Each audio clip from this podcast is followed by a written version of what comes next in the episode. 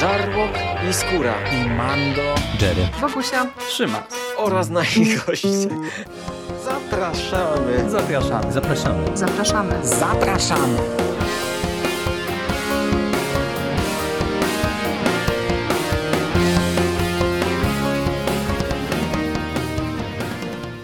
Witamy Was wszystkich bardzo serdecznie w kolejnym odcinku konglomeratu podcastowego. Z tej strony Michał Rakowicz, czyli Jerry.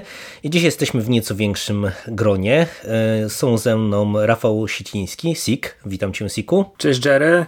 Dzień dobry, dobry wieczór słuchaczom drogim. Oraz Hubert Spandowski, Mando. Cześć, Mando. Cześć, e, witam bardzo serdecznie. Spotkaliśmy się w tym zacnym gronie, aby porozmawiać o horrorowej antologii zatytułowanej Nightmare Cinema. E, antologii, którą e, Tis Tysiku zdaje się e, w trakcie swojego tego maratonu październikowego z horrorami obejrzałeś właśnie w tamtym okresie. Dobrze? Kojarzę? Tak, tak, oglądałem ten film w Halloween. No i to tak w sumie właśnie z twojego polecenia tutaj przy tym filmie zasiedliśmy, bo ty nam go gdzieś poleciłeś, obejrzeliśmy, no i, i dzisiaj o nim co nieco porozmawiamy. Ale na początek może byś e, zaserwował nam, e, drogi kolego, jeżeli już tutaj właśnie z Twojego powodu żeśmy zasiedli do filmu, e, co nieco o samym tym projekcie. Jak Ty na niego trafiłeś i, i skąd on się tak naprawdę wziął? W lipcu, kiedy z Mando spotkaliśmy się na przełożonej majówce i przełożonych urodzinach StephenKing.pl, nagrywaliśmy odcinek podcastu na Radio SK, ekranizacji jazdy na kuli Mika Garisa. I właśnie w tamtym momencie zaczęliśmy rozmawiać, co jeszcze jest Mika, i tak zaczęliśmy przeglądać sobie Internet Movie Database. No i to Nightmare Cinema się gdzieś tam pojawiło. Sprawdziłem, co to jest i gdzieś sobie to wziąłem na radar. A jak słuchacze pewnie pamiętają z naszego Halloweenowego przekastu i e, zresztą teraz ostatnio nagrałeś e, swoje podcasty, gdzie omawiałeś postmortem, to ja jestem wiernym słuchaczem podcastu Postmortem, który prowadzi Mick Garris i tam bardzo też dużo było o tym, o tym projekcie, bo, bo on tam jest jednym z twórców e, Nightmare Cinema, a zaczęło się od tego, właściwie od Masters of Horror w 2002 roku. Mick Garris zaprosił do restauracji w Sherman Oaks e, mistrzów, reżyserów horrorów. I ta oryginalna dziesiątka John Carpenter, Larry Cohen, Don Cosarelli, Joe Dante, Guillermo del Toro, Stuart Gordon, Toby Hooper, John Landis, Bill Malone, no i Garris tak się zajarali tym pomysłem spotykania się, że postanowili sobie coś stworzyć. Trzy lata później powstał Masters of Horror, który powstawał dla telewizji Showtime, ale produkowało to Anchor Bay. Anchor Bay zostało wykupione przez Lionsgate i w momencie, kiedy Lionsgate no oczywiście dużo większa firma, weszła w posiadanie Masters of Horror, to przedstawili ofertę Showtime taką, że Showtime stwierdziło, że nie zamawia kolejnego sezonu i powstało Fear Itself, ale Fear Itself y, nie wypaliło. Tam akurat powstawanie tego serialu zbiegło się ze strajkiem scenarzystów. Zatrudniono, za, zatrudniono scenarzystów z zagranicy, co się Garrisowi nie podobało. Dodatkowo Fear Itself było robione dla NBC, czyli telewizji publicznej, czy takiej ogólnodostępnej, gdzie, znaczy można powiedzieć naziemnej, gdzie bardzo duży głos miała sama telewizja w, e, w powstawanie tego serialu i nawet reklamodawcy tam się wtrącali, że co, co może być, co nie może być. Garrisowi nie podobało się to, że jakaś historia po pierwsze jest tak bardzo mocno nawet jak ona jest taka średnia, nie, nie, odbiegająca od standardów poprzednich serii, jest przerywana blokami reklamowymi, gdzie reklamowane są pampersy i zrezygnował z Fear Itself. Odszedł tam w jakichś tak nie bardzo fajnych kontaktach z Lionsgate. Dodatkowo jeszcze doszło do tego, że zrobili ten Masters of Science Fiction, który, który w ogóle bez porozumienia z Garrisem powstał. Garris tam jakąś garzę, garzę no jakąś tam kwotę dostał za to, że to jest spin-off jego, jego pomysłu. No ale mi się to strasznie podobało i zaczął jeździć po świecie na festiwale, głównie do Europy, na festiwale e, filmowe. Był zapraszany e, do Francji, do Włoch, gdzie po pierwsze zdobywał kolejne kontakty e, z reżyserami, też jakiś miał większy ogładę z kinem z horrorowym zagranicznym. No i narodził się pomysł, żeby zrobić, no, a jeżeli nie kolejny Masters of Horror, bo ten trzeci sezon już miał być taki, że chciał, żeby każdy odcinek był robiony przez reżysera z innego kraju. Tak jak pamiętamy w pierwszym sezonie był Mikke, mhm. a w drugim było e, chyba ostatni odcinek to była adaptacja Kojiego Suzuki Dream Cruise. I tam odpowiadał za Dream Cruise e, Norio Tsururata, o ile się nie mylę. Więc on chciał zrobić na początku może serial, może film, poznał się z Joe Russo, który teraz jest producentem jego, jeżeli chodzi o postmortem. I no, szukali opcji, chodzili od studia do studia, y, mieli już tam reżyserów, którzy chętnie by zrobili antologię albo nowy, nowy serial, czy to antologię w postaci filmu czy serialu. I y, spotykali się z kręceniem nosem, odmową miał być nawet jakiś tam, powiedzmy w tym momencie nawet to mógł być y, seria web epizodów, ale Garys jednak się z tego pomysłu wycofał. Uważał, że w sieci można puszczać y, rzeczy jak się nie ma nazwiska, jak się nie ma pozycji, a on chciał zaprosić jednak y, no, duże nazwiska do tego projektu i tak jakoś to krążyło, krążyło chyba w 2015 w końcu Nightmare Cinema jakiegoś takiego konkretnego kształtu nabrało. Gary spisał, z, znaczy już zebrał ekipę, napisali scenariusze i ten film był kręcony. Kurczę, żeby teraz nie skłamać. Wydaje mi się, że w 2017. No i premierę miał e, w, o nie mylę, w 2018 roku jakoś latem? Tak, w lipcu, tak w lipcu, 13 lipca 2018 e, według e, tego, co Wikipedia podaje, e, ten film debiutował. No tak, w dużym skrócie. Jest to pochodna Masters of Horror, ewolucja tego pomysłu. Udało mu się zaprosić, no kurczę, no jakiś tam reżyserów rzeczywiście z różnych, nie tylko z Ameryki, ale też z innych krajów i, i, tak to wygląda. No tutaj e, właśnie a propos tych twórców, to e, mamy w zasadzie pięcioro reżyserów, e, no, jakoś tam mniej lub bardziej znanych, ale myślę, że to przy tych poszczególnych nowelkach e, sobie o nich jeszcze coś porozmawiamy e, ewentualnie. E, tak jak mówisz, widać, że Garis chyba gdzieś tam blisko serca ma ten projekt, bo szczerze mówiąc, to ja już nawet zdążyłem zapomnieć, że ty to w październiku październiku oglądałeś i nawet gdzieś tam to mi polecałeś i mi się przypomniał ten film przy okazji tego podcastu na 15-lecie Mistrzów Horroru, bo oni też tam gadali właśnie o tym projekcie mhm. i nawet e, o jakichś tam planach na potencjalną drugą część. No tak, tak, już to już jest, e, ta druga część już ma scenariusze napisane i czekałem na koniec COVID-u, żeby zacząć kręcić z tego, co Gary zapowiada. No, zobaczymy, jak to się wszystko potoczy. W tej chwili chyba ten film jest dostępny na Shaderze, poza jakimiś tam wydaniami, tymi DVD, Blu-ray i, i chyba nigdzie indziej go niestety zobaczyć e, legalnie nie można w streamingu. No, kurczę, by się przydał ten Shader tak naprawdę międzynarodowo, bo widać, że oni w ten horror bardzo mocno inwestują. E, ale po tym rysie takim historycznym, to przejdźmy e, właśnie do konstrukcji. E, tak jak wspomnieliśmy na początku, to jest antologia. E, antologia, która tak jak w sumie w tytule już jest zasygnalizowane, e, jest antologią, która kręci się wokół kina. Tak naprawdę wprowadzenie do każdej z tych pięciu opowieści, które tutaj dostajemy, jest takie samo, czyli obok kina przechodzi postać, która do, do tego kina zostaje w pewien sposób jakby przyciągnięta, zasiada albo jest zmuszona żeby zasiąść w fotelu e, kinowym, e, no i obejrzeć pewien seans, który no bezpośrednio jest związany właśnie z tą postacią. E, pięć historii, Pierwsza z nich to The Thing in the Woods. Za ten segment odpowiada Alejandro Bruges. I to jest gość, który nie ma specjalnie dużo na koncie, bo on był chyba tylko w ABC of Dead E, z takich jakichś bardziej horrorowo kojarzonych e, projektów, ale on wyreżyserował Puka Leaves, co w sumie mm, jest e, trochę mm, no, można powiedzieć jakimś takim łącznikiem, bo ten segment to jest taka slasherowa wariacja tak naprawdę, trochę właśnie jak, jak to mieliśmy w Pukalips, która też tym motywem slashera się bawiła. I krótko o fabule. W zasadzie początek, tak żeby nie zaspoilerować, bo ten, ten segment ma kilka volt tak naprawdę po drodze.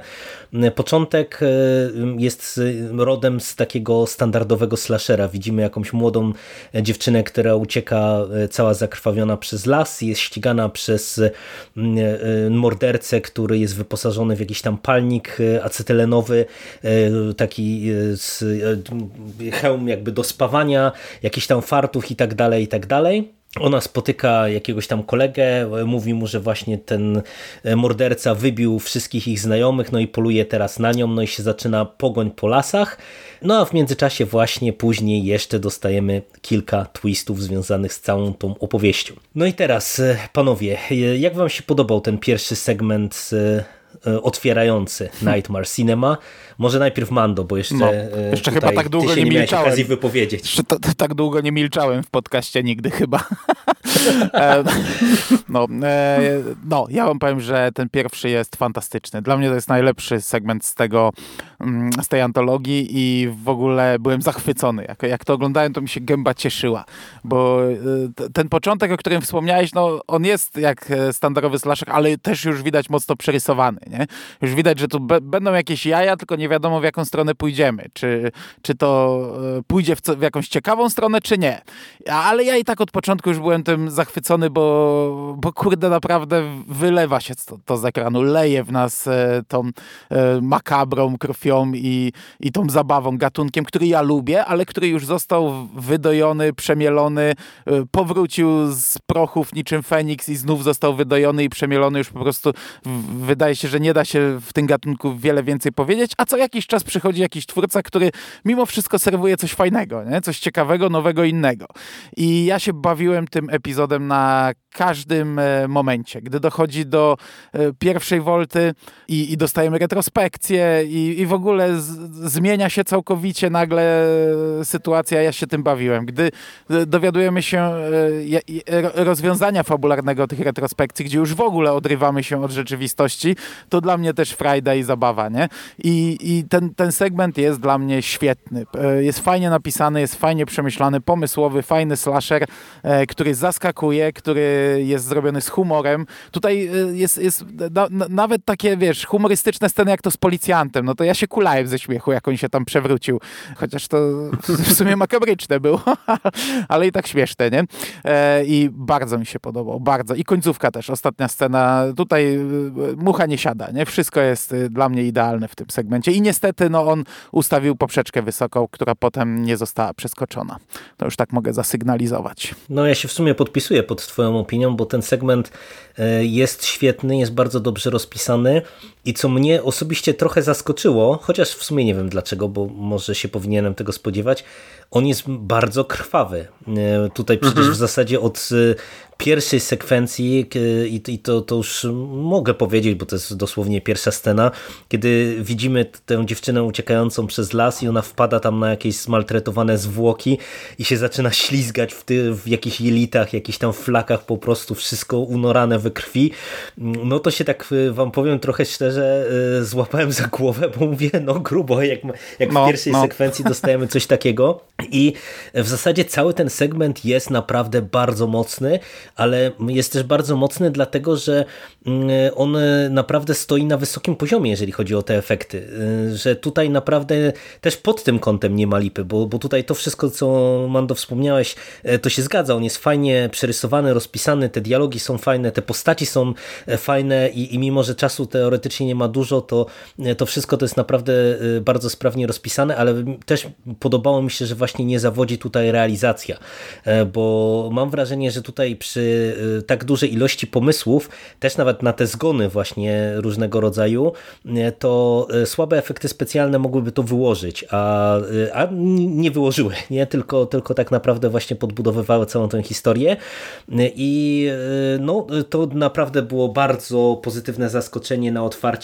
Ja się też niestety podpisuję, że to jest otwarcie, do którego żadna z historii dalszych nie doskoczyła w mojej ocenie, także trochę, nie wiem, z jednej strony dobrze, z drugiej strony źle pewnie dla całości, że tak to zostało ustawione. I na koniec, zanim Siku oddam Ci głos, nie mieliście trochę skojarzeń z tym naszym rodzimym slasherem? W lesie dziś nie zaśnie nikt, bo ja w którymś momencie, jak spojrzałem sobie na pewne rozwiązania fabularne, to tak mi bardzo mocno zapachniało z skojarzeniami właśnie z tym slasherem. I tak stwierdziłem, że no, nie wiem, czy tam ktoś przy pracy nad scenariuszem się trochę nie, nie posiłkował pewnymi rozwiązaniami fabularnymi, ale, ale to już tak, tak może sobie coś dopowiadam. Wiesz co, nie myślałem o tym, może coś w tym jest, nie wiem, tak wiesz, teraz zaskoczyłeś mnie trochę tym pytaniem. E, ja raczej myślałem w stronę innego filmu Jamesa Gana, gdzieś tam no mi tak, myśli uciekały. No? No tak, dokładnie. Po pełzaczach myślałem, ale no właśnie, nie myślałem o tym. Musiałbym się jakoś bardziej przeanalizować to. A ty, Mando? Nie, nie, ja nie miałem takich skojarzeń. Nawet teraz, znaczy teraz jak już powiedziałeś, to jo, ale na, na samym początku jak spytałeś, to, to, to, to, to zgupiałem. Nie, nie, nie zrozumiałem, że chodzi ci o rozwiązanie fabularne. Nie, myślę, że nie. No dobra, spoko, spoko. Okej, okay, więc Alejandro Brugueras, to wiecie, my, my, my słabo znamy go, ale on dostał za Juana od trupów e, nagrodę Goya, czyli tą e, hiszpańską akademię. Tak? Tak, hiszpańskie Oscary, Akademii Sztuk Filmowych nagroda dla hiszpańskojęzycznego filmu e, zagranicznego. I to jest, wiecie, to jest mm, duża, duża nagroda, no bo Alejandro Brugueras jest Argentyńczykiem, reprezentował e, w Nightmare Cinema, no powiedzmy Amerykę Południową. I ja nie wiem, nie widziałem Juana trupów, no ale on ma dosyć y, jak na y, horror z zombiakami, robiony gdzieś tam w ogóle, wiesz, w Ameryce Południowej ma bardzo wysokie oceny. I wydaje mi się, że jest może czymś, co, co, co by się nam spodobało. Oprócz e, oprócz tego Into the Dark robił też przy Od Zmierzchu do Świtu Rodrigueza i chyba jakoś... Ale przy filmie, czy przy tym serialu? Przy serialu, przy serialu. Okay. I jakoś chyba to, to właśnie, e, nie wiem jak to ładnie nazwać, to, to takie groteskowo krwawe e, rzeczy, które zrobił w Chłanie od trupów i w ABC, pewnie of Death 2, zwróciły uwagę Ro Rodrigueza na, na jego osobę. No jest to rzeczywiście, ja tutaj się podpisuję pod wszystkim, co powiedzieliście, bo no, jest, jest świetny. Jest, I tak jak Mando powiedział, jest tak wysoko e, ustawiona poprzeczka, że aż ciężko, no ciężko tutaj przebić to. I to, to się raczej no nie, nie powiem, że się nie udaje nikomu, ale no to jest, to jest, to jest podium, tak? Mamy pięć filmów i to jest podium, a jeszcze mm, za efekty odpowiadała firma K&B, która jest, o ile mi się nie, nie, nie mylę, to, to, to jest ekipa, która jest właśnie z filmów Rodrigueza, a zaczynała e, od rezerwowych psów u, u tego, u Tarantino. Czyli mamy e, ludzi, którzy ro, robią no, naprawdę krwawe rzeczy, tak? Bo i od zmierzchu do świtu ma przecież te sceny w knajpie są, są mega krwawe. Oni robili też przy Kill Billu. No to to są ludzie, którzy dostawali naprawdę e, i Oscary, i, i, i nagrody BAFTA. No tak, no, no widać, że znają się na swojej robocie, bo, bo to naprawdę z ekranu z ekranu bije. Chociaż wiecie, czekajcie, bo to jest w ogóle, w ogóle to, to KNB, ta ekipa, to jest, wiecie, to jest Nicoretto, czyli gościotu The Walking Dead. I, I teraz, żeby była jasność, oni są, jedni są właśnie w, w Kalifornii, drudzy są gdzieś tam w Kanadzie i trzeci są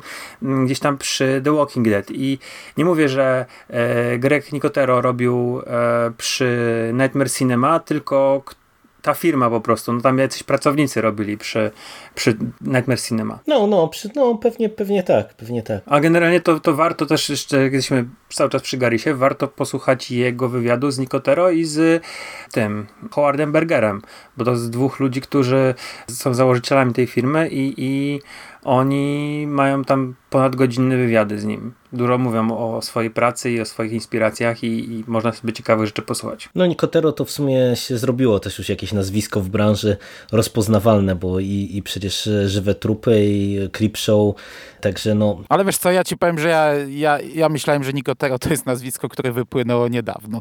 Ja w ogóle e, byłem ignorantem, nie, nie miałem świadomości, że to jest człowiek, który pracuje w branży od tak dawna.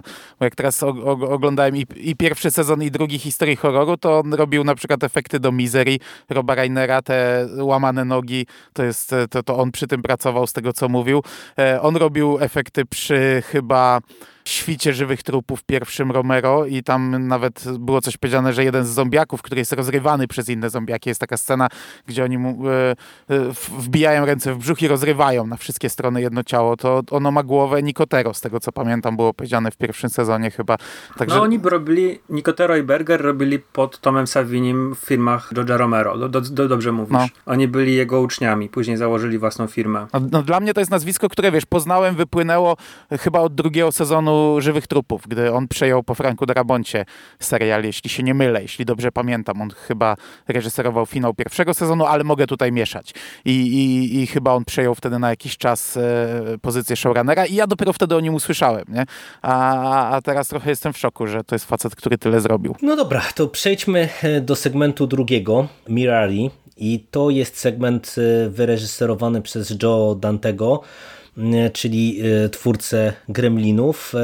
I to jest segment, który kręci się wokół chirurgii plastycznej. Poznajemy parę nowożeńców, no i ten świeżo upieczony przyszły małżonek sugeruje E, swojej przyszłej żonie, e, że może by sobie e, coś poprawiła, tak jak jego mama w takiej bardzo dobrej znaczy, no, ona klinice. ma bliznę na twarzy, nie? Z którą ma problem. Tak. Ona ma taką bliznę na policzku. Tak, i... tak, tak, ale no. to, to, to, też tam szybko w sumie wychodzi, że, że nie tylko bliznę może by sobie no, no. poprawiła, no. tylko, tylko jeszcze inne rzeczy, mm, ale no ona jakby trochę mając problem właśnie z tą blizną na twarzy, no decyduje się na to. Odwiedzają klinikę właśnie to tytuło, tytułowe Mirari, jeżeli dobrze e, pamiętam, z wczorajszego seansu. No i tam e, zostaje poddana e, operacji plastycznej i zaczynają dziać się pewne niepokojące rzeczy. E, tutaj, e, co ciekawe, oprócz Jodantego e, za kamerą, mamy jedno przynajmniej bardzo duże nazwisko przed kamerą, bo pojawia się Richard no. Chamberlain, którego ja wam powiem bardzo dawno nie widziałem. Ja ci powiem, że ja byłem w szoku. Jak przed chwilą przyznałem się do ignorancji w przypadku Grega Nicotero, to tutaj to był dla mnie szok. Nie? Ja, ja, ja nawet nie tyle nie wiedziałem, nie, nie wiedziałem, że on jeszcze w czymś gra, co ja wam przyznam, że ja myślałem, że tego człowieka już nie ma na ziemskim padole, nie? bo on mi się bardzo kojarzy z moim, z moim dzieciństwem gdzieś tam, wiecie. Jak, jak, jak no to, Shogun. Jak, no, to, ale Shogun, ja nawet Shogun nie, tak? ja bardziej tożsamość Borna w dzieciństwie katowałem e, tą pierwszą e, tak bardzo, bardzo mocno, ale pamiętam, że, że, że to był taki aktor, który na ekranie mi się przewijał ciągle i potem totalnie zniknął z radaru, nie? O nim totalnie zapomniałem i tu nagle patrzę, na, naprawdę, a, aż musiałem sprawdzić e, czy, czy on coś robi, czy, skąd, skąd on mi się tu wziął nagle, nie?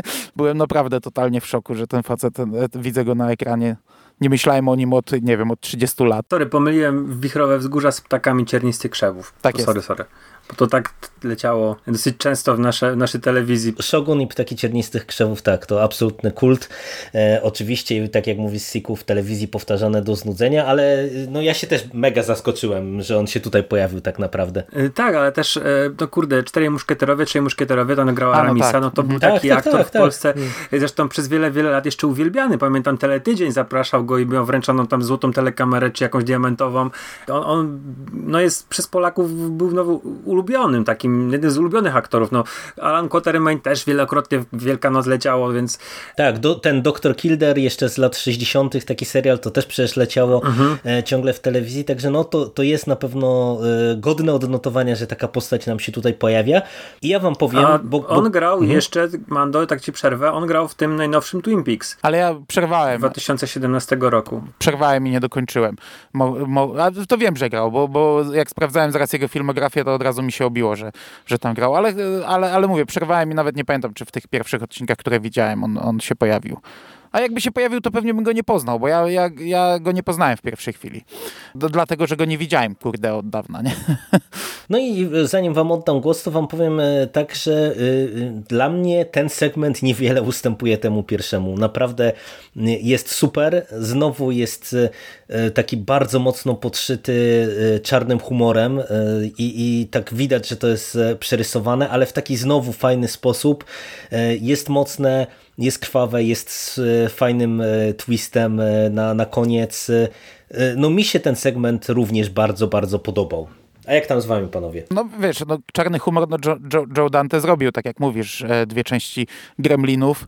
To też na poważnie kręcił, nie? Bo on robił Skowyt, jeśli dobrze pamiętam, ale też robił tą, tą komedię, nie widziałem jej chyba ze 100 lat e, na Przedmieściach z Tomem Hanksem, Carrie Fisher, Korejem Feldmanem przecudownym. No, ale ja ci powiem tak, mm, że mnie się ten segment aż tak nie podoba. Znaczy, on jest, on jest niepokojący, widzimy te kobiety cały czas w bandażach, to jest fajnie zrobione, to wszystko wizualnie jest e, fajne. To ma fajną końcówkę też, e, gdy już te bandaże zostają zdjęte, ok, ale mi tutaj brakuje, nie wiem, przyczynowo-skutkowości, jakiejś, e, jakiejś iskry logiki. Ja tego segmentu nie zrozumiałem. Ja go obejrzałem i mówię, kurde, ja nie rozumiem, co tu się zadziało, dlaczego to, ta, ta operacja została tak zrobiona, dlaczego w ogóle ona się odbyła, czemu z tej, z tej kobiety zrobiono to, co zrobiono.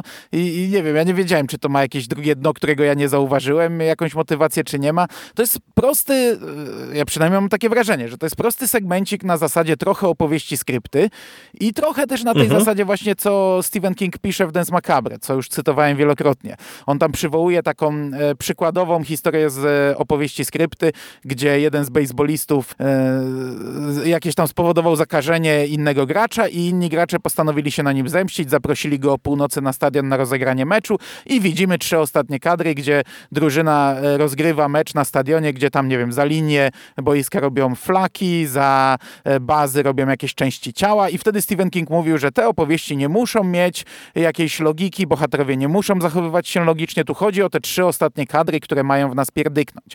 No ale mimo wszystko tam jest jakaś, wiesz, jakaś w tej historii przytoczonej nawet przez niego, jest motyw zemsty, jest jakaś przyczynowo-skutkowość, a ja tutaj tego nie widzę. No, mamy, mamy przepiękną aktorkę, która ma bliznę, która absolutnie nie umniejsza jej urody, no spoko, ona ma z tym kompleks, to, to rozumiem.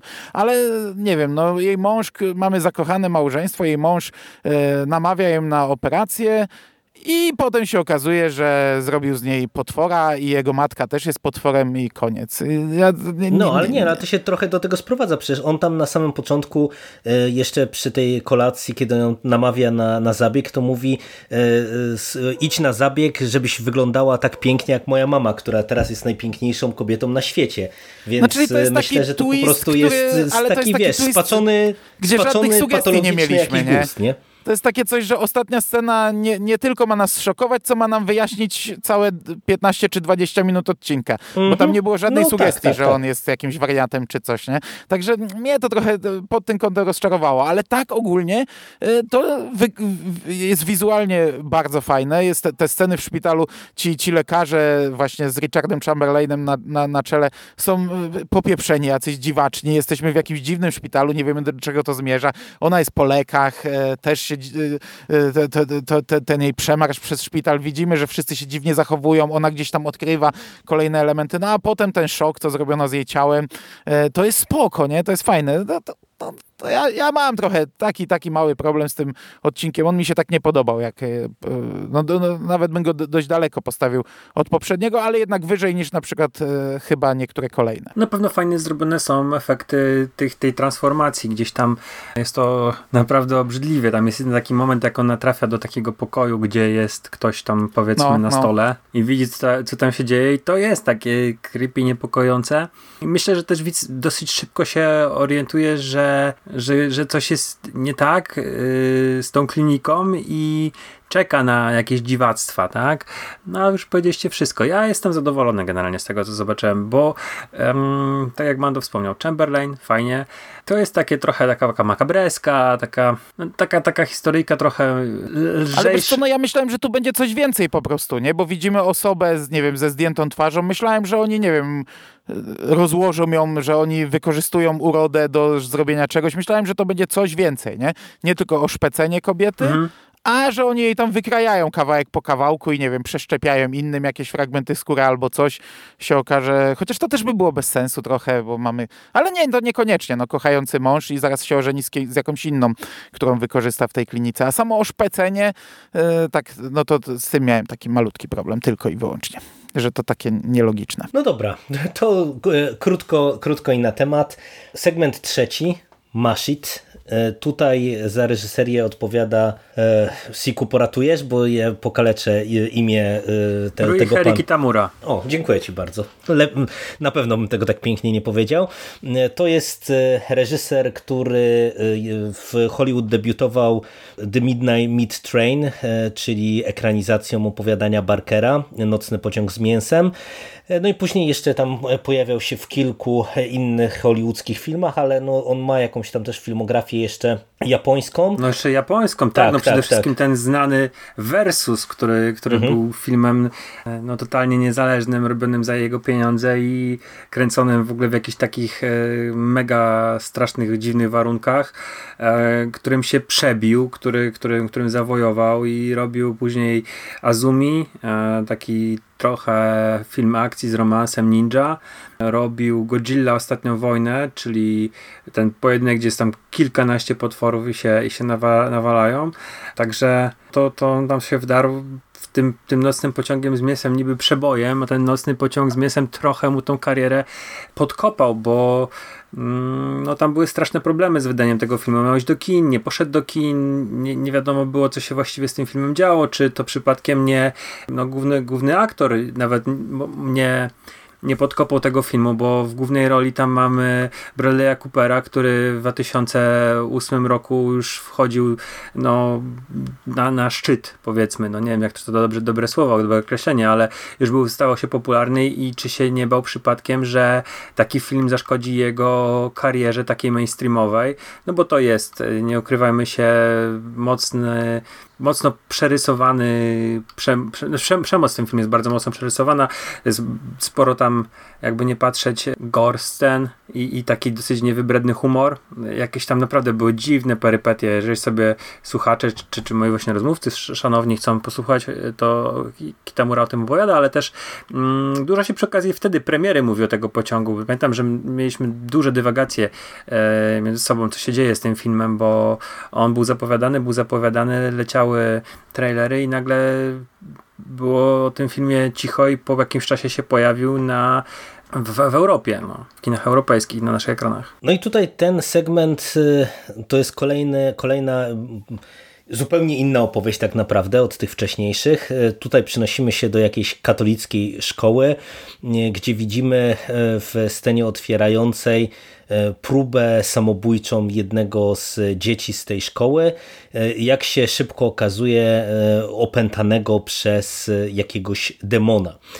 No i tutaj ci dowodzący tym, tą katolicką placówką, czyli jakiś ksiądz i, i siostra jego wierno poddańcza, nomen omen, e, próbują przeprowadzić jakieś tam śledztwo, jakiś może, nie wiem, egzorcyzm, wypędzić tego demona i zaprowadzić porządek w placówce. No i to jest zupełnie inny segment e, ponownie, e, bo ja miałem takie nieodparte skojarzenia z kinem lat 70., może nawet tak, no nie tylko chodziło o sam ten E, taki wystrój tego filmu, że to się tak mocno kojarzyło wszystko z non-sploitation e, i, i przez to jak te, te zakonnice są prezentowane i, i, i wszystko co się tam dzieje, ale w ogóle przez mm, takie trochę mm, wariackie, kampowe właśnie rozwiązania fabularne, które tutaj dostajemy, no przecież tutaj w którymś momencie to się dzieją naprawdę rzeczy mocno odpałowe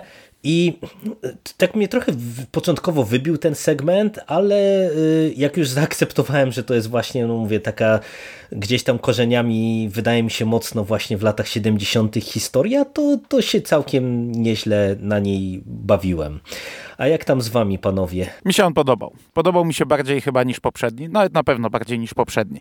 E, na samym początku może jeszcze nie, nie, nie padłem na kolana, bo ja nie, nie, przepadam za takimi tematami, tam wiecie, jakimś tam horrorem e, rozgrywającym się gdzieś w kościele, księża, zakonnice i tak dalej. Nie jestem fanem.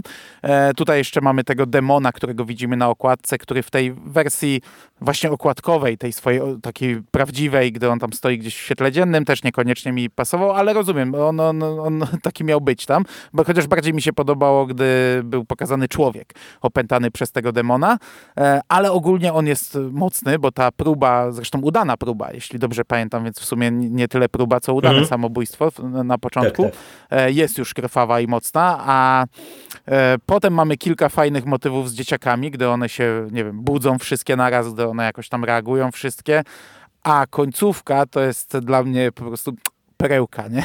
Ja, ja oglądałem z bananem na twarzy. Mam wrażenie, że jakbyśmy oglądali gdzieś to przy piwie e, razem, razem, to byśmy po prostu tam, nie wiem, e, bingo, w bingo grali wódką.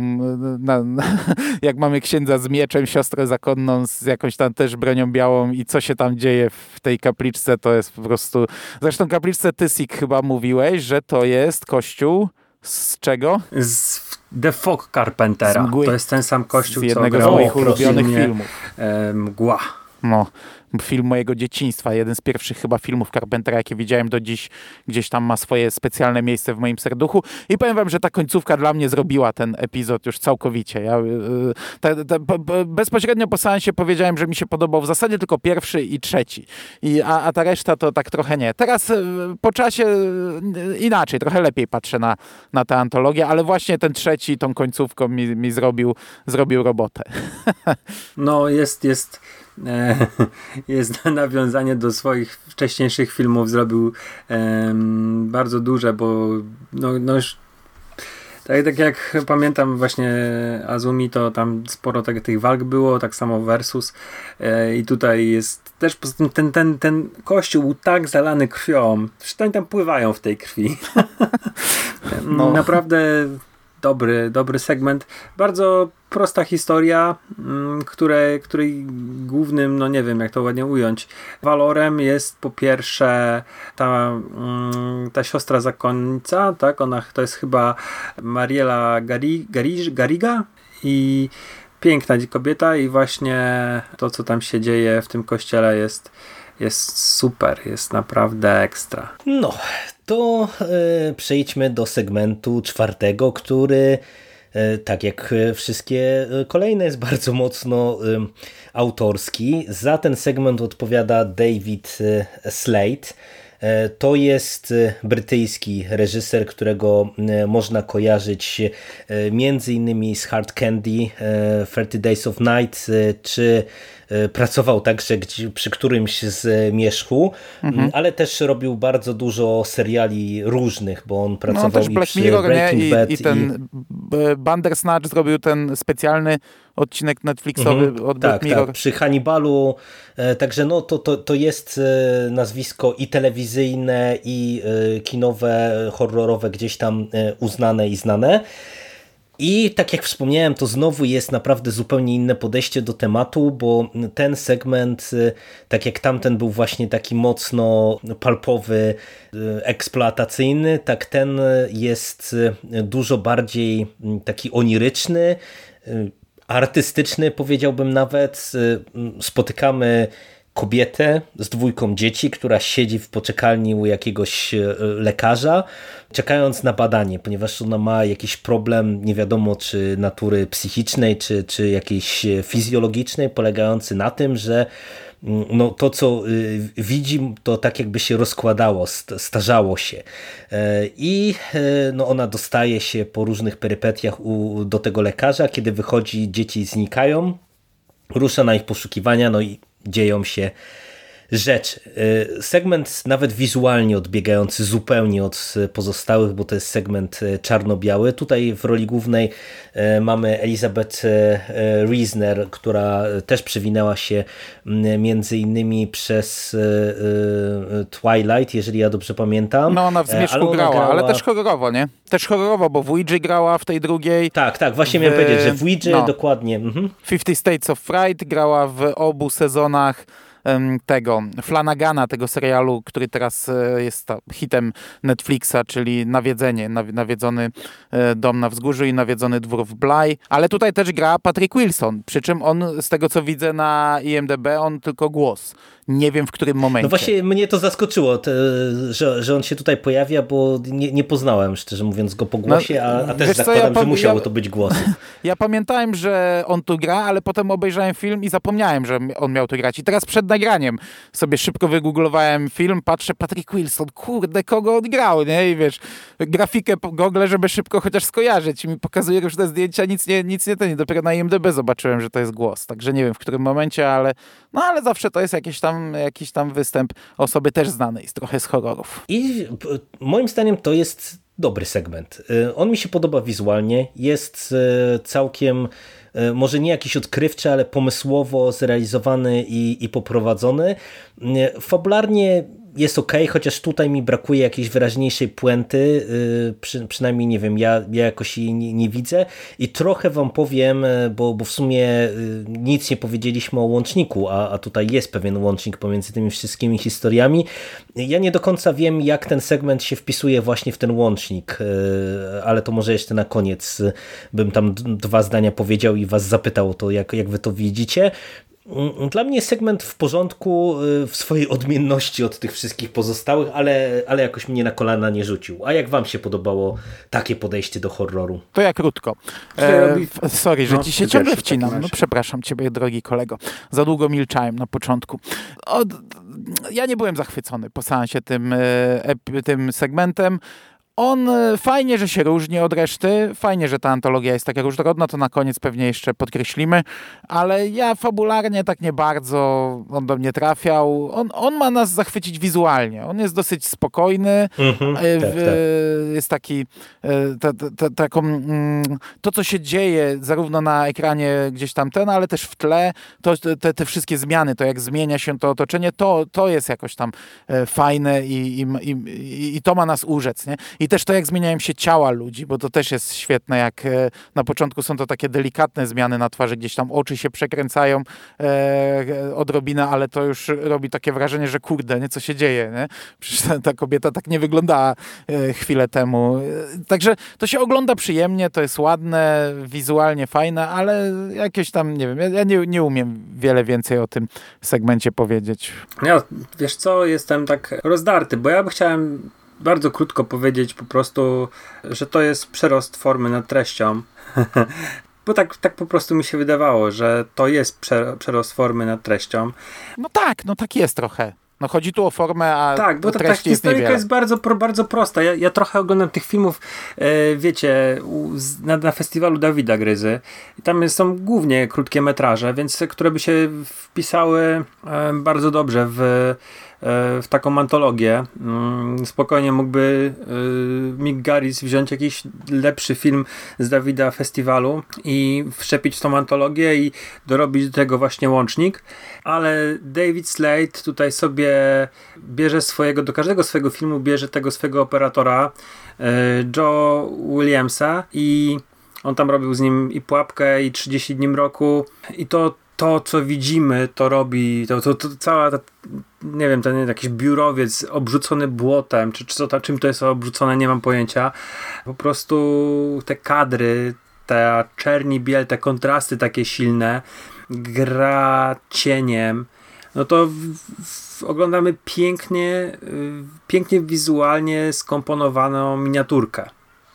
Tylko z drugiej strony, no właśnie taką bardzo pustą, bo ja nie kupuję tej, tej takiej historyjki, to, bo, no to, to jest ten przerost format treścią. Tam może, może też chyba wolałem coś prostego, bo w, tę, w tą te cztery historie, które po, poza tą są, to one są takie nie pozostawiające specjalnie interpretacji e, widzowi. E, są bardzo oczywiste. One mają jakieś tam mhm. lekkie twisty, ale są proste, a ta jest taka, gdzie trzeba się zastanowić, czy to tak jest, czy to tak jest. No niekoniecznie mi to do kompozycji całej antologii pasuje. No, nie, mówię, tu ja na razie się nie będę spierał, bo, e, bo mówię, ja mam jeden problem jeszcze inny dodatkowo, a, a tak poza tym, no, no tak jest, że po prostu to jest przede wszystkim no właśnie ładna wizualnie miniaturka. I, i przejdźmy do e, ostatniego segmentu, którego twórcą jest Mick Garris, e, czyli pewnie jeden z głównych pomysłodawców z tego, co mówi Siku, całego tego projektu. E, segment nazywa się Dead e, i opowiada o losach młodego chłopaka, który jest pianistą i który po swoim występie wraca z rodziną, czy próbuje wrócić z rodziną do domu. Zostają napadnięci jego rodzice zostają e, zastrzeleni, on zostaje postrzelony, e, no i budzi się po śmierci klinicznej, jak sam tam wspomina później na kilka ładnych minut, mm, rozstał się z tym światem i powrócił do życia, no i okazuje się, że mm, to powoduje, że on widzi zmarłych. No a że akcja rozgrywa się głównie w szpitalu, no to, to, to tych zmarłych jest tam sporo i dodatkowo E, mamy tutaj tak naprawdę dwa wątki. Jeden wątek matki, która e, no, zginęła, e, a jej w jakiś sposób wraca i, i próbuje przyciągnąć tego syna w tę czy w tamtą stronę, a dodatkowo jeszcze wątek tego mordercy, który pojawia się, aby zapolować na, na naszego chłopaka. I moim zdaniem trochę czuć, e, że e, pod pewnymi względami Gary się zatrzymał w telewizji z poprzedniej epoki, wam powiem, bo e, tak jak sam segment fabularnie, to, to no, no okej, okay, no mogę to, to kupić. Pojawia się tutaj Annabeth Gish, którą najlepiej kojarzymy z archiwum Mix, ale ona przecież też z Garisem chociażby no, przy tak chwalonej przez was desperacji współpracowała. Też w Worku Ona w Worku Kości też była. A, tutaj matkę roku, matkę roku po prostu gra, nie? Mhm. Kobietę, mhm. która chce zabić swojego dzie swoje dziecko po śmierci swojej. No. Strasznie jej nie lubiłem. Chociaż tak, z drugiej tak. strony ona może ma większą wiedzę niż my, co się dzieje po życiu, po, po śmierci, nie? No ale dobra, kontynuuj. E, ale tutaj warto zwrócić jeszcze uwagę, że Mick Garris napisał ten scenariusz, mhm. ale dobrze kojarzę. No i to, to mówię, to czu, czuć po prostu i nawet e, w, tych, w tym prowadzeniu tego wszystkiego i w warstwie wizualnej, że, że to jest taki najbardziej telewizyjny segment, ja bym powiedział, z, z tych wszystkich. No i dla mnie taki, no chyba najsłabszy E, mimo wszystko. E, a, a tutaj jeszcze od niego ja będę chciał wyjść do, do właśnie tej ramy fabularnej, do jakiegoś podsumowania, ale najpierw powiedzcie, jak tam kolejne spotkanie e, wasze z Garisem, no bo wy jesteście najbardziej na bieżąco z jego fantastyczną twórczością. No dobrze, to znów ci się tutaj wetnę. Ja wam powiem, że... Bardzo dobrze, ten... zaczniemy. Przez większość odcinka tak sobie myślałem, nie jest źle. Okej, okay, no ta fabułka to nie jest nic odkrywczego i, i, i jeszcze pokazane tak prościutko. Widzieliśmy tego typu historie zrobione lepiej. E, chociaż ona ma też fajną końcówkę. Końcówka, powiem wam, że mi się podobała. Ta ostatnia scena jest... nie, nie, nie wiem, na ile ona tam pasuje do tego odcinka, ale, ale mnie tam, powiedzmy, trochę rozbawiła ale przez większość odcinka sobie pomyślałem, że nawet realizatorsko nie jest tak źle. Jak jestem po, wiesz, po desperacji, to, to mówię, okej, okay, no nie, nie, nie są to jakieś, e, nie, jakaś nowoczesność. E, widać, że, że ale, ale nie, nie, nie ma tragedii, nie? Widać, że Garys nie leży z kamerą na podłodze albo nie wisi na lampie, nie? Natomiast e, jak jest kilka takich momentów, że, że mimo wszystko i tak przecierasz oczy, jeśli chodzi o realizację. Jeden jak, jak przez jakieś duchy przejeżdża coś, nie pamiętam co, czy wózek inwalidzki, czy jakiś stolik i te duchy są naprawdę jak, no, no, jak z lat prawda. 90., ale moment, gdy nasz bohater zaczyna umierać i widzi światło i w tym świetle pojawia się na zmianę jego koleżanka, która mówi mu nie idź w stronę światła, a potem jego matka, która mówi mu idź w stronę światła, to jest po prostu jak z ulotek Jehowych, nie? jak zdjęcie z... No, to wygląda tak źle, to wygląda że, że aż boli, nie? Ja w tym momencie mówię, ja cię, nie? co tu się zadziało, kto to zrobił? No ale z drugiej strony to też ma jakiś swój urok, nie? No, każda z, ty, z, tych, yy, z tych segmentów wyglądała inaczej. No Gary zaprezentował ten inny rodzaj kupy, który niekoniecznie nam się podoba, nie? Ale naprawdę po tym poprzednim yy, segmencie, który wizualnie był przepiękny, jak zobaczyłem ten, ten jasny tunel mieniący się i te, yy, i te postaci, to, to, to, to za łeb się złapałem. Czegoś takiego w ekranizacjach Kinga nie było. Ale fabularnie okej, okay, nie? No mówię, to, to, nie jest coś, że, że ja będę tutaj wieszał psy i, i błotem rzucał. Słuchałem wypowiedzi Garisa e, na temat tego jego segmentu. To było w e, którymś z tych e, MAA, Ask Mike Anything. I wiecie, on, on zaczął opowiadać o castingu, że bardzo, bardzo chciał, żeby to była, ten, ten chłopiec, chłopiec był no, no, dzieckiem małżeństwa mieszanego i tak jak sobie tam wymyślił Annabeth Giffsh e, w roli matki, to no, miał, chciał mieć czarnoskórego ojca, no i chłopiec musiał być mm, też ciemnoskóry i żeby koniecznie grał na pianinie, bo tam jest scena gra, jak on koncert daje i żeby to, to nie było dupla i tak dalej, tylko żeby ten chłopiec rzeczywiście zagrał na, na fortepianie. I ja tego słucham, wiecie, tak z takim what the fuck, nie? Bo mówię, to, to jest akurat najmniej ważne. No też właśnie miałem to powiedzieć, tym... Że, że, są inne rzeczy, nad którymi trzeba się skupić. To jest w tej historii. Oni mogli wracać z kolacji, oni mogli wracać z McDonalda, mogli z zakupu wracać skądkolwiek, mogli ich ten gościu na tym parkingu złapać i zacząć mm, do nich strzelać. I to jest właśnie, bardzo mnie dziwi, że Garys do takiej pierdoły przykłada e, taką wagę, że casting miał ciężki cholernie, a nie przyłożył się właśnie do tych cholernych duchów, czy po prostu może trochę więcej, nie wiem, no nie wiem, coś, jakiś, jakiś twist zrobić, coś, no chociaż twistem jest to, że Annabeth Gish gra, gra ducha matki, mówi mu, żeby, temu chłopakowi, żeby chodź, chodź umrzyj, przyjdź do mnie, nie? To jest dosyć taki dziwny moment, który.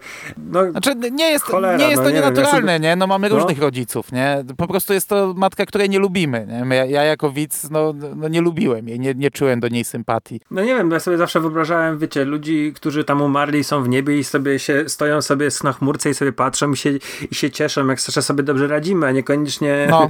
widzę swoją babcię, babcię, która patrzy z chmurki i mówi, no umrzyj w końcu, chodź, bo no chodź, no chodź, no umrzyj, no mogła być się pod... No, no nie, no to jest głupie, no to jest to jest, to jest, znaczy, to tak jest głupie dziwne. w ogóle w kontekście nawet tego segmentu, bo przecież ta matka widać, że jest taka e, zafascynowana tym swoim dzieciakiem, który tak sobie dobrze radzi, tam obsztorcowuje przecież tego ojca, że się spóźnił znowu na koncert, że pewnie się nim nie zajmuje i tak dalej, i tak dalej, no a ona to, to takie oczko w głowie, nie? I to takie później, to taka klipstera, nie? Że właśnie ona nagle go tam próbuje przyciągnąć na, na drugą stronę. No tak ale wiesz, no masz różnych mu... rodziców, nie? Masz rodziców yy różne typy rodziców. Ona jest akurat taka. Z drugiej strony ja na samym początku powiedziałem, że ona może wie coś więcej. Może kurde po śmierci jest tak super, że faktycznie może e, wa warto umrzeć. Ale to, to, wcale nie, bo ten epizod nam tego nie mówi. Ona nigdzie nie trafia, przecież ona żyje jako duch i chodzi po, po, po tym padole, nie? Pójście do światła nie oznacza, że trafiasz według tego epizodu do nieba, tylko jesteś pieprzonym duchem i, i żyjesz wiecznie na tym świecie, nie? Albo po prostu wszystkie duchy w pewnym momencie, na przykład jak umierasz, to jeszcze jesteś w miarę normalny, a później po prostu każdy, kto umarł, to się staje złym duchem. Ale ona umarła ta, wiesz, ta koleżanka... kilka dni temu, nie? Czy tam, nie wiem...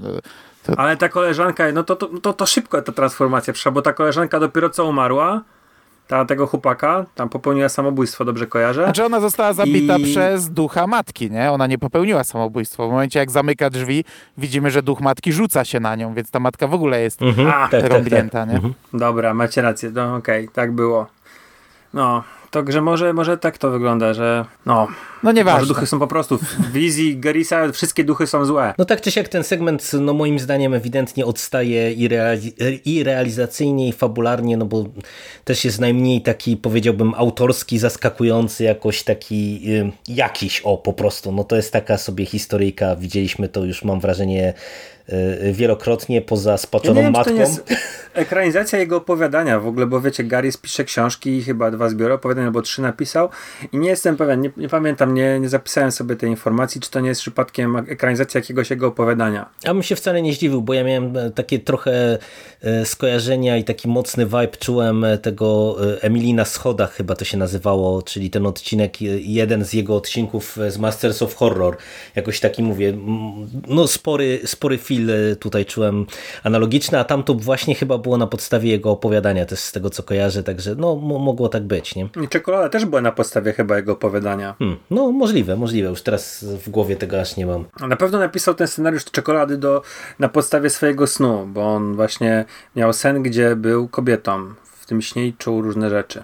Ale e, w sumie e, z perspektywy tego, co tutaj sobie rozmawiamy o tym życiu po śmierci, to mo możemy przejść jeszcze do łącznika, no bo jako, że to jest antologia e, z pewnym łącznikiem, no to w którymś momencie pojawia nam się na ekranie te, te, te, ta postać, która wyświetla te wszystkie filmy, te poszczególne segmenty, poszczególnym postaciom, które się pojawiają w tym rzekinie i jest to nie kto inny, tylko Mickey Rourke, którego ja z kolei musiałem musiałem sprawdzić, czy to jest na pewno on, bo on już tak strasznie wygląda w tej chwili, e, że wam powiem szczerze, że naprawdę byłem e, trochę, z jednej strony tak, tak mi się wydawało, że to on, ale no, musiałem sprawdzić, czy, czy to na pewno jest właśnie Miki we własnej osobie.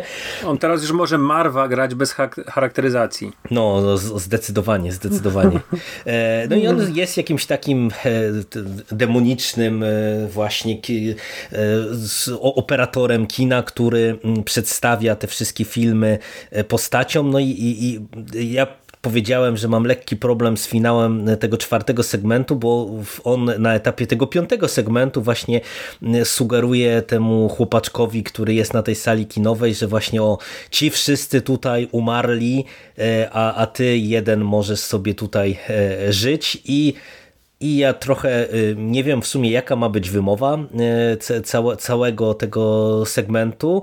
Y, i właśnie trochę mi zgrzyta to w perspektywie finału tej, tej czwartej opowieści, bo ja absolutnie nie odebrałem, że główna bohaterka rozstała się z życiem, no bo o ile we wcześniejszych tych segmentach to... No, no może właśnie ten finał ci sugeruje, że masz to tak odebrać, nie? że te zmiany, no, no, które ona może, widzi, być to może jest tak, ale, ale no, z niczego mi to kompletnie nie wynika, bo, bo ten segment się zupełnie zupełnie inaczej kończy i ja tam nie, absolutnie nie czuję implikacji do, do śmierci głównej bohaterki. No ale zmienia się świat wokół niej, może właśnie tak to wygląda po śmierci. Nie, że piękna droga ku światu, tylko coraz bardziej no, gnijący może, świat. Może, faktycznie. Hm. Na to nie wpadłem, na to nie wpadłem. Chociaż to bym się musiał znowu zagłębić, bo, bo trochę by mi to zgrzytało z kolei ze środkiem tego, co tam dostajemy i chociażby tym dialogiem e, o, o, o tym, że ma popełnić samobójstwo, no ale to już mówię, nie, nie, nie, nie wchodźmy może w spoilery.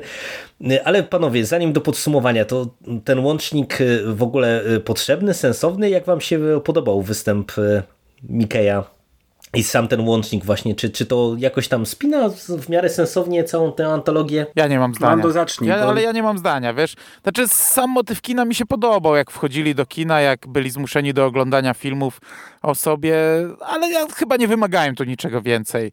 I w momencie, gdy się pojawia Mickey Rourke, ja tak tak nie wiem, czy to jest potrzebne. Nie mam zdania naprawdę na ten temat. W ogóle kino e, nazywa się nie wiem, czy to dobrze wymówię, ale kino nazywa się Rialto. Mhm, Takie jest tak, tak. poznańskie kino w ogóle. Tak, tak, jest. Mhm. Jak jeździłem do Poznania, to kojarzę to kino e, w takim naprawdę obskurnym budynku, więc to mogłoby grać spokojnie. To, znaczy poznańskie jest teraz w innym budynku, tam jest obok McDonald's, nie? Więc to trochę inaczej wygląda, ale spokojnie takie budynki w Poznaniu macie. Tak, tak, tak, zdecydowanie. No. więc mogło to być takie y, nasze, nasze polskie kino. Nawet myślę, że bileter Naprawdę. podobny by się znalazł. Gdzieś tam pod Biedronką, jakby zarzucić na niego kurtkę. Nie, no wiesz co, to, to, był taki, no, to, to był wymysł znowu Garisa, ta, ta klamra spajająca i co ja mogę powiedzieć? Ona jest ok, ale to nie jest nic nadzwyczajnego. To nie jest nic, co by było jakimś, wiesz, game changerem, to nie są to nie jest jakaś klamra w stylu, no nie wiem, mm, żeby sobie jakąś tam antologię brytyjską przypomnieć, na przykład tam z Donaldem Sutherlandem, z mm, Christopher, Christopherem Lee, co nie jadą pociągiem. Musiałbym sobie, poczekaj, muszę sobie posiedzieć, posiedzieć w pamięci. No to nawet te e, opowieści skrypty z lat 70. chociażby, to, to też ma, mają taki ten łącznik e, główny, który no, jest jakoś tam istotny fabularnie. No tutaj to... to... Gabinet grozy doktora zgrozy, o tym o to mi chodziło. Mhm. Czy, czy wiesz, czy Monster Club, e, gdzie jest jakiś klub dla potworów i, i facet patrzy się na potwora, jakaś tam historia z tym potworem jest związana.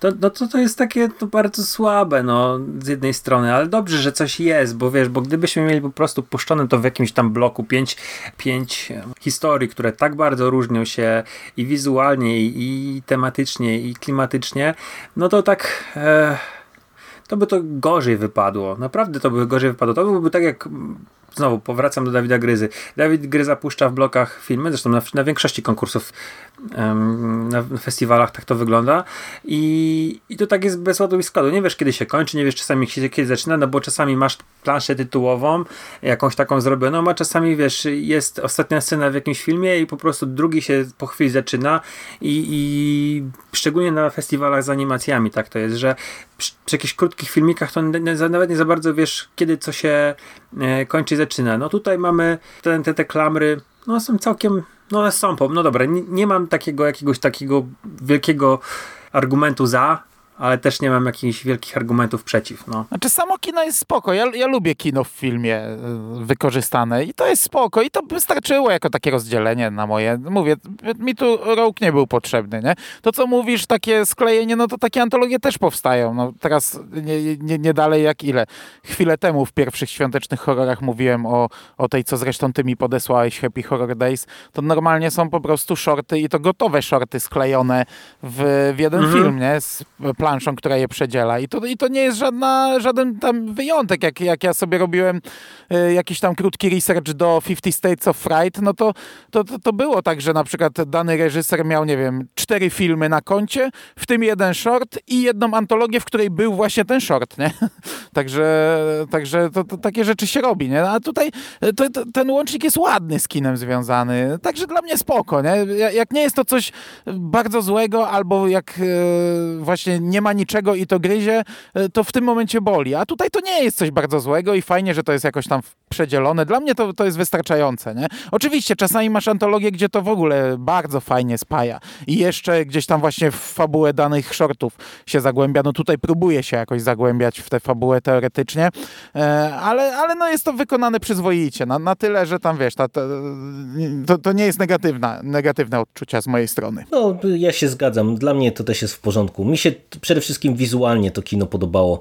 E, z takim filtrem jakimś ciepło, takim żółto-pomarańczowym to było zrobione e, i, naprawdę e, bardzo, bardzo w porządku. Jeszcze sympatycznie, że też te tytuły tych poszczególnych segmentów się pojawiają na tym froncie kina, czy tam są jakieś plakaty, takie rzeczy, także to, to pod tym kątem było spoko.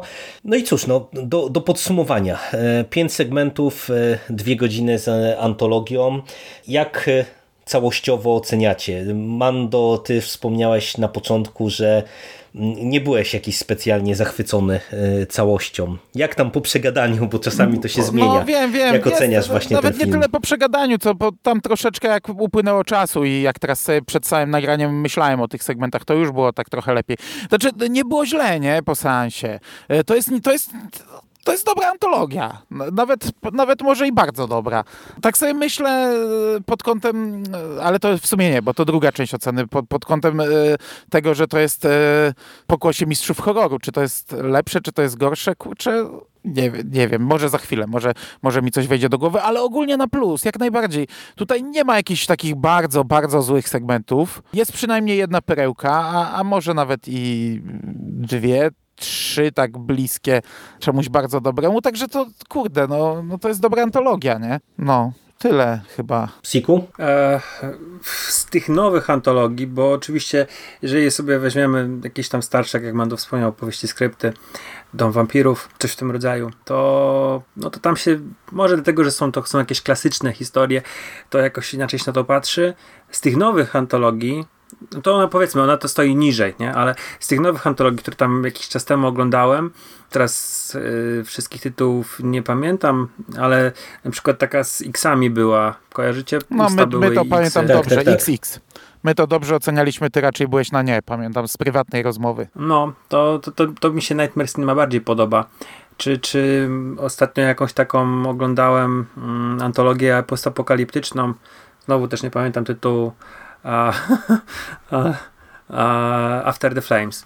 No to mówię, ta antologia Garisa wypada dużo lepiej, ale Mando warto po, pociągnąć ten temat, który ty zacząłeś. No, bo ja kibicuję tej antologii, ja kibicuję na dalsze części. No to to jest słabo. Po pierwsze to są króciutkie historyjki. A, jak ty mówisz, że słabo, Masters ale, of Horror... Ale wiesz, no Masters of Horror to jest już mimo wszystko też przestarzała trochę telewizja, bo to już ma swoje lata i kilkanaście lat. Tutaj jest realizatorsko czasami, ale w sumie nie, może, może nie, może mam spaczony obraz. Ale mimo wszystko ja kibicuję tej antologii. Ja nie widzę przepaści wielkiej między Masters of Horror, horror a tym. No to jest inne, bo jest krótsze, ale ja czekam na kolejne części, wam powiem, bo to jest fajna inicjatywa. To była fajna inicjatywa w Masters of Horror, to jest fajna inicjatywa dalej, żeby łączyć tych, tych e, mistrzów horroru. Udało się to zrobić Garrisowi e, fantastycznie. No ja nie słuchałem tego podcastu, o którym obaj wspominacie, ale słuchałem o was, o tym podcaście i mam nadzieję, że, te, że, że no to będzie dalej jakoś ciągnięte, bo to mimo wszystko, no nawet jeśli czujesz, że to jest gorsze od e, Masters of Horror, to na pewno jest to 100 razy lepsza mm, kontynuacja niż Fear Itself. E, ale no, o problemach Fear Itself mówiłeś na początku. To nie była tutaj wina twórców za bardzo. Raczej mi chodzi też to, o to, że to są krótkie historie i te, te właśnie chyba od strony historii, nawet nie samego wykonania, bo tak jak mówisz, jest, yy, Masters of Horror to są, to jest 15 lat, tak? To już jest kawał czasu dla, dla, dla filmu, bo, bo wizualnie no to naprawdę poza segmentem Garisa to ja tutaj niekoniecznie miałbym się do czegokolwiek przyczepić a od strony technicznej. Natomiast te historie są takie, no to są krótkie, to są właśnie, no nie wytrzymują porównania z niektórymi historiami w Masters of Horror, no ale z drugiej strony tam też nie było takiego super równego poziomu, jeżeli chodzi o, o scenariusze. No była Kobieta Jeleń, tak wiesz, bardzo, bardzo wysoko, później Cigarette Burns. No były bardzo dobre, był Dario Argento, był Carpenter bardzo dobry, Argento, ale było też nie, na przykład jasne, jasne. We Scream for Ice Cream, który widziałem tylko raz, co prawda w życiu, jeszcze nie omówiliśmy tego w nawiedzonym, ale no, pamiętam, że... umarłych przecież u, no, mm, katastrofalnie Waszyngton, Waszyngtonowie też chyba nie był, to nie był chyba dobry odcinek, który w Polsce nie był wydany. No też było sporo takich trochę jednak słabszych rzeczy. Ale ja wam powiem, bo tak Siku, ty mówisz, że e, masz problem jakby z tym formatem, e, że te historie są krótsze. E, mi się wydaje, że to jest trochę nie, nie tak... mam problemu, tylko w porównaniu z, z Mastersami to jest na korzyść Masters of Horror, że są dłuższe i te historie są ciekawsze. No tak, no można było zrobić takie prawdziwe tym, filmy, nie? Cigarette Birds Ale właśnie, nie, bo tutaj to, filmem, to, to, to wydaje mi się, że to trzeba by trochę mieć z tyłu głowy, bo yy, wydaje mi się, że to jest po prostu trochę tak, że tutaj twórcy mieli te 20 minut, dajmy na to, czy 20 parę minut, i te historie są dostosowane do formatu, bo y, ja też w trakcie seansu, y, jak to często mi się przy antologiach ostatnimi czasu, y, czy, czy jakichś shortach, które widzę, załącza, miałem poczucie, że z każdej tej historii Into the Dark zrobiłoby półtorej godziny odcinka. I ja czasami patrząc chociażby z perspektywy też Creepshow, gdzie jednak mamy, nie wiem, 20-30 minut na, na historię i, i, i to potrafi naprawdę bardzo dobrze działać, mm, to y, ja mam wrażenie, że to jest naprawdę dobra antologia pod tym kątem, że ona jest dobrze skonstruowana. Jest faktycznie bardzo różnorodna. Każdy z tych reżyserów dostarczył historię y, jakąś tam autorską, y, odmienną od pozostałych i wizualnie, i fabularnie, i, i stylistycznie i to naprawdę działa.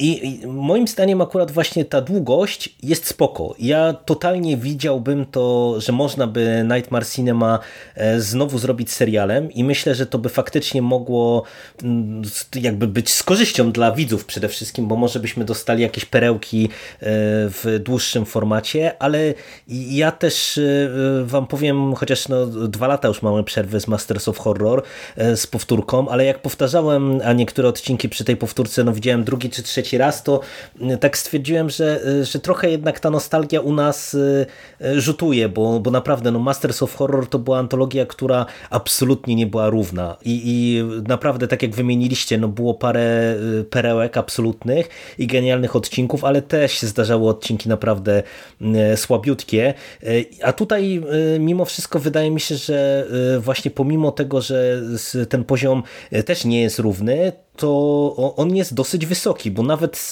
ten nieszczęsny Garis to, to też nie jest jakaś, jakaś fatalna historia. No, jakby to dać mhm. komuś innemu, kto, kto nie żyje w latach 90. jeszcze, tak filmowo, to, to pewnie też by było to, to lepiej zrobione i ciekawsze, ale no niestety no Garis ma taką wrażliwość jakąś nightisową po prostu. No ale widzisz, nawet i, Garis no nie tak, bolał no tak, nawet Garis nie bolał tak jak w Masters of Horror, nie? Bo tam jego odcinki miały te 50 tak, minut tak, i to tak. bolało bardziej, a tutaj no, to 20 dokładnie, minut dokładnie, dokładnie, przekulało się. Tak, I te historie są, są no tak, ta, ta antologia jest fajna, fajna, bo jest różnorodna. To jest bardzo ważne w takich antologiach. Jest różnorodna. Historie są dopasowane do tego formatu. Jak najbardziej. Wykorzystują e, ten, e, te ramy czasowe, jakie mają. Wiesz, bez problemu można by zrobić z, takiego, z tego drugiego segmentu na przykład 50 minut, ale byłoby to nudne, nie? Tak samo jak pewnie bez problemu można by zrobić z Cigarette Burns 20-minutowy odcinek, ale stracilibyśmy wspaniały film Johna Carpentera, nie? Bo w tym momencie to już by było pewnie dużo, dużo gorsza rzecz. No, jest dopasowane do, do, do, do ma, mają taki pomysł, mają takie medium i kręcą to. I ja jestem w sumie zadowolony, że Gary po, przez 15 lat nadal kontynuuje ten projekt pod innymi szyldami i, i nadal nie ma jakiejś lipy, nie? Wielkiej. No i tym bardziej, że w sumie udało mu się też e, nazwiska ściągnąć takie, no po, powiedziałbym, może nie wszystkie z absolutnie najwyższej półki, ale też widać, że to, to nie są ludzie znikąd, nie? Tylko widać, że to są twórcy, którzy w tym horrorze siedzą e, i, i mają jakiś tam swój styl, swój pomysł e, na, na, na horror, a, a to jest też dla mnie duży plus, nie? Bo bo, bo tutaj na, naprawdę to widać, że to nie są też przypadkowe osoby mhm. po prostu i takie, te, takie tam tylko, wiecie, zatrudnione, żeby hałturę w telewizji zrobić po prostu i, i, i tyle, nie? Także pod tym kątem to, to jest fajna rzecz i ja się w sumie cieszę, że to obejrzałem i też będę trzymał kciuki, żeby faktycznie te, ta druga część powstała, bo, bo myślę, że to może być coś dobrego i no i jestem ciekaw, kogo tam dostaniemy, nie? Bo to na pewno Pewnie będzie pięć segmentów. Biorąc pod uwagę, jak, jakie, wiesz, jakie on ma poważanie wśród yy, reżyserów horroru i jak wszyscy go bardzo lubią, hołbią go i to myślę, że na pewno będziemy mieli Flanagana, bo no, to jest jakaś fajnie, taka, no, to, to, no. to jest jakaś taka dosyć super. duża zażyłość yy, między nimi powstała. Flanagan był na pewno dwa razy albo trzy razy u niego. Myślę, że też może zrobić odcinek Joe Russo, ten, który jest tutaj producentem. E, on chyba już ma swoje przymiarki, bo do tej pory był jako tam, nie wiem, asystent producenta, producent, mm, a w tym momencie chyba już ma swój debiut reżyserski za sobą, więc może nie być Garisa, bo to jest tak, trzeba powiedzieć, że to, to jest trochę Joe Russo i Garis to, to jest taki ich wspólny projekt. No ale Russo to nie jest ten e, z, jeden z braci Russo, który odpowiada za cały, cały Marvel, końcówkę? No to jest on przecież. Nie. Tak. Nie. To jest Joe, inny Joe Russo. To jest zbieżność, zbieżność y, imion i nazwisk. Ten gościu ma... Poczekaj, bo mi się, bo, bo mi się wydawało, że to jest y, on. Że, tylko, nie, tylko, że właśnie nie, nie, jak, że on odpowiada za ten, za e, produkcję mm, tego. Nie, nie, nie. Nie, nie, nie, nie, nie. To nie jest ten, to, to nie jest ten Joe Russo. To jest zbieżność, ten, ten ma, wiesz, trzeba, trzeba spojrzeć na numerek na IMDB. To jest zupełnie inny. Nie, inny dobra, Russo. dobra, spoko, spoko, no okej. Okay. To jest siódmy Russo. Gdyby to tamten Russo był, to by wyprodukowanie takiego filmu jak właśnie Nightmare Cinema nie byłoby problemem. I też nie byłby co tydzień, wiesz, w studiu u Garisa i nie, nie był producentem jego podcastu też, tak, tak no, mi się no, no. wydaje. Spoko. Także on ma, on ma już jakieś tam swoje, mm, wcześniej robił shorty, już ma jakieś takie swoje dwa chyba większe filmy e, za sobą i coś mi się wydaje, że bardzo prawdopodobne, że będziemy mieli no, jego zamiast Garisa. Ale to są tylko takie moje przypuszczenia, absolutnie nic nie wiem, nie wiem na ten temat. Może się okazać, że Garis będzie znowu to robił i no nie wiem. No, no dobra, dobra, no to, to myślę, że to y, y temat wyczerpaliśmy. Myślę, że śmiało, jeżeli ktoś lubi e, horror w postaci antologii krótszych historii, a na przykład, nie wiem, brakuje mu czegoś pokroju Creepshow, to jak najbardziej może po Nightmare Cinema sięgnąć, bo to jest naprawdę interesująca i nietuzinkowa rzecz. Dzięki w tym momencie Siku tobie, że nam gdzieś tam to podsunąłeś. No i cóż, dzięki panowie za rozmowę dzisiejszą. Cieszę się, że to nie był dla was tak totalnie zmarnowany czas bo z Garisem to nigdy nie wiadomo jak to będzie, bo możesz trafić na, wiesz, worek kości kolejny. E, no i ja również dziękuję wam za nagranie. Ja również dziękuję. I to nie był zmarnowany czas. Dzięki. No i do usłyszenia w przyszłości. Cześć. Cześć. Cześć.